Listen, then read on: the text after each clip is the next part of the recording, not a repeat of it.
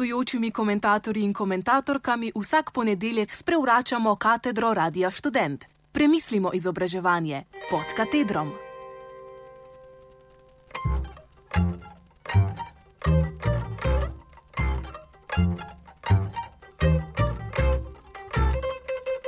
Vrednote univerz v globaliziranem svetu.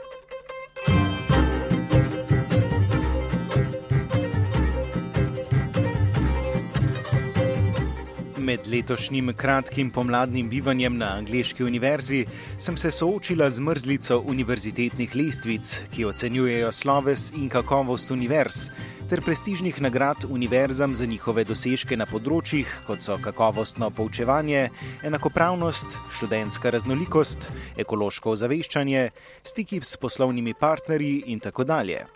V dveh mesecih so se zvrstile najmanj tri takšne najave. Times Higher Education World Reputation Ranking, kar bi lahko prevedli v lestvico svetovnega slovesa univerz, sledile so Guardianove univerzitetne nagrade, tem pa še Times Higher Education nagrade za vodenje in management univerz. Zdi se, da so kritike takšnih podvigov vse glasnejše, hkrati pa dobre ocene strani institucij kot so Times Higher Education, QS in RVU, ki so med glavnimi proizvajalci tovrstnih univerzitetnih lestvic, postajajo vse pomembnejši dejavnik v prepoznavnosti univerz.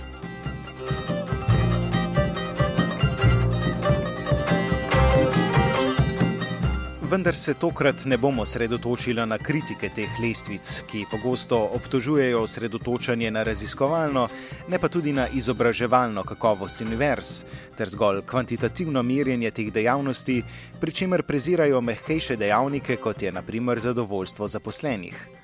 Namesto tega se bomo sredotočili na naključje, da sem v teh istih par mesecih prebirala o kiksih univerz v državah s problematičnim pristopom k akademski svobodi, svobodi govora in človekovim pravicam nasploh. Kombinacija teh dveh tematik me je spodbudila k razmišljanju o tem, kakšne so obstoječe prakse ocenjevanja kakovosti univerz in ali je to vrstno ocenjevanje, ki se v večini primerov osredotoča na blestečo raziskovalno dejavnost, občutljivo za zadeve, kot so prej omenjene akademska svoboda in človekove pravice. Ali bi morale biti vrednote univerz v današnjem globaliziranem svetu univerzalne?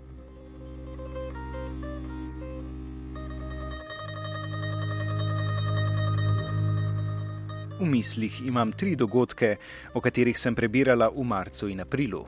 Naj začnem z dogajanjem v Saudski Arabiji. Lanskega leta je bil saudski aktivist Raif Badavi zaradi kritike islama obtožen na tisoč udarcev z bičem in deset let zapora. Januarja letos je utrpel prvih 50 udarcev, kar je svetovna javnost strogo obsodila. In kaj imajo s tem opraviti univerze? 18 Nobelovih nagrajencev je januarja poslalo pismo profesorju Šamoju, predsedniku Univerze Kaust, to je King Abdullah Univerze za znanost in tehnologijo v Saudski Arabiji. V pismu so ga pozvali naj svoj položaj izkoristi za spodbudo svobode govora in izražanja nestrinjanja. Profesor Šamo, nekdanji predsednik Kalteha, Kalifornijskega inštituta za tehnologijo, se na podziv ni odzval ter za Times Higher Education dejal: univerze delujejo v različnih delih sveta. Odražati moramo dejstvo, da se nahajamo v drugačnem prostoru. Spoštljivi moramo biti do drugih.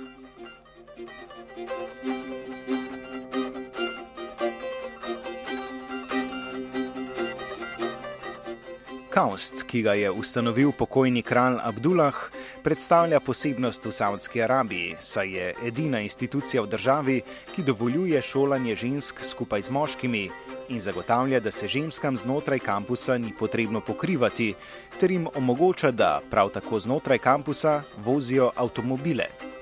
Morda je Kaust drugačen in svobodnejši v primerjavi s preostalimi univerzami v Saudski Arabiji, a se ne more zauzeti za standarde akademske svobode in človekovih pravic, kot jih poznamo na Zahodu, če tudi ima tudi Zahod nedvomno svoje težave. Čeprav profesor Šamo predseduje Univerzi za znanost in tehnologijo, bi pričakovali, da bodo tamkajšnji akademiki voljni kritizirati politični režim. Vendar je razlog za odsotnost take kritike precej jasen. Kralj Abdullah je univerzo ob njeni ustanovitvi podprl z desetimi milijoni dolarjev. poleg tega pa kritika režima zakonsko ni dovoljena.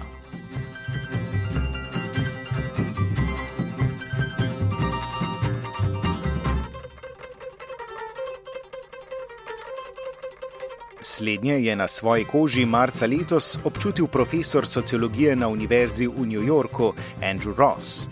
Zgodba sega nekaj let nazaj, ko se je Univerza v New Yorku odločila za gradnjo kampusa v Združenih arabskih emiratih v Abu Dhabiju. Lansko pomlad je The New York Times poročal o mizernih razmerah migranskih delavcev, ki so gradili in zgradili nov kampus te univerze v Abu Dhabiju.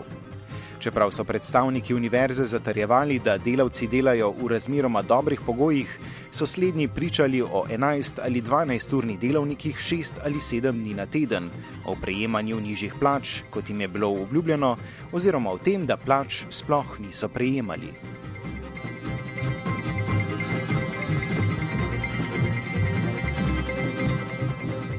Takšne razmere v Združenih arabskih emiratih predstavljajo stalno prakso.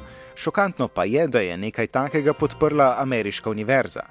Čeprav univerza zagotavlja, da deluje kot kulturno svobodno območje, si je kaj takega težko predstavljati, če vemo, da po poročanju The New York Timesa o akademski svobodi tam niso slišali, da je kritika vlade kaznivo dejanje in da imigrantski delavci delajo v nečloveških razmerah.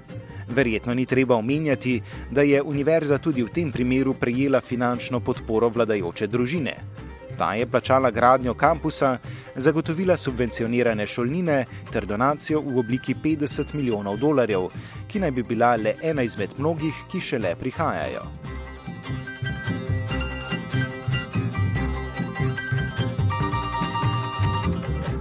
Po odmevnem članku v The New York Timesu se je Univerza v New Yorku odzvala z upravičilom delavcev. Tamkajšnji preomenjeni profesor sociologije Andrew Ross je upravičilo sicer pozdravil, vendar dejal, da bi univerza morala spodbuditi spremembe v sistemu, ki temeli na zlorabi. Njegove kritike niso ostale neopažene. Ko se je Andrew Ross marca letos odpravil na pot proti Abu Dhabiju, kjer naj bi raziskoval delovne razmere, so na letališču JFK zavrnili njegovo ukrcanje. Združeni arabski emirati so mu prepovedali vstop v državo.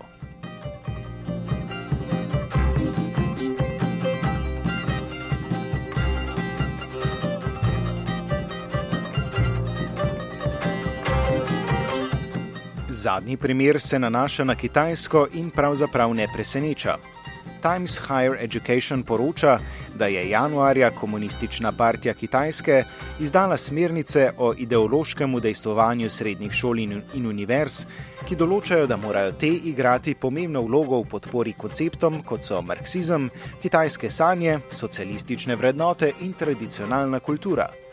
Zahodne vrednote se ne smejo znajti v učbenikih kaj to pomeni za avtonomijo univerz in kaj to pomeni za sloves kitajskih univerz v mednarodnem kontekstu.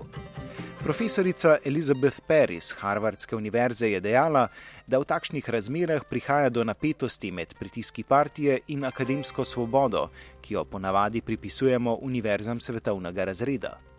Po drugi strani pa partija zagotavlja, da je njena politika v skladu z zahtevami institucij, ki izvajajo meritve akademske kakovosti, kot so prej omenjene Times Higher Education, QS in RVU.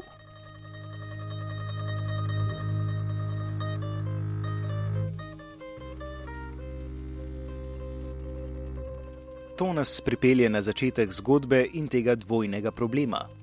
Po eni strani zahodna javnost z univerzitetnimi listvicami narekuje tempo in kriterije kakovosti univerz povsod po svetu, po drugi strani pa prezira kršitve akademskih svoboščin in človekovih pravic v državah, kjer domujejo tako lokalni kot mednarodni univerzitetni kampusi. A že res, da zakone določa država in da univerze preko njih ne morejo, ampak kaj to pomeni za avtonomijo univerz? kaj to pomeni za vzgojo prihodnjih generacij diplomantov in kaj za svobodo govora in človekove pravice. Ali v tem primeru lahko govorimo o globalnih standardih kakovosti? Če univerze vsaj pasivno podpirajo kršitve akademskih in človekovih pravic, si težko predstavljamo, kako se te iste univerze lahko znajdejo in se bodo v prihodnosti vse pogosteje znašle na vodilnih mestih univerzitetnih lestvic. Oblikovanje slednjih bi torej morali ponovno premisliti ne le v okviru kvantitativnih in kvalitativnih pristopov ter ocenjevanju rezultatov univerz, ki jih je težko izmeriti. Premisliti bi morali tudi o tem, kako med nujne kriterije ocenjevanja vključiti splošne človekove svoboščine in pravice, ter se hkrati zauzeti, da univerze, ki tem standardom sledijo na domačih tleh, iste standarde podprejo tudi na svojih mednarodnih kampusih.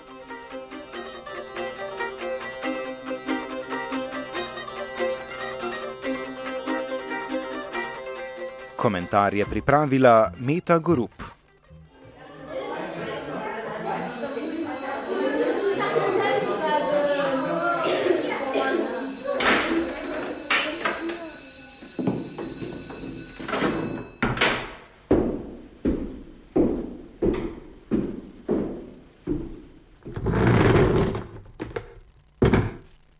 Gostujočimi komentatorji in komentatorkami vsak ponedeljek sprevračamo katedro Radia Student. Premislimo izobraževanje pod katedrom.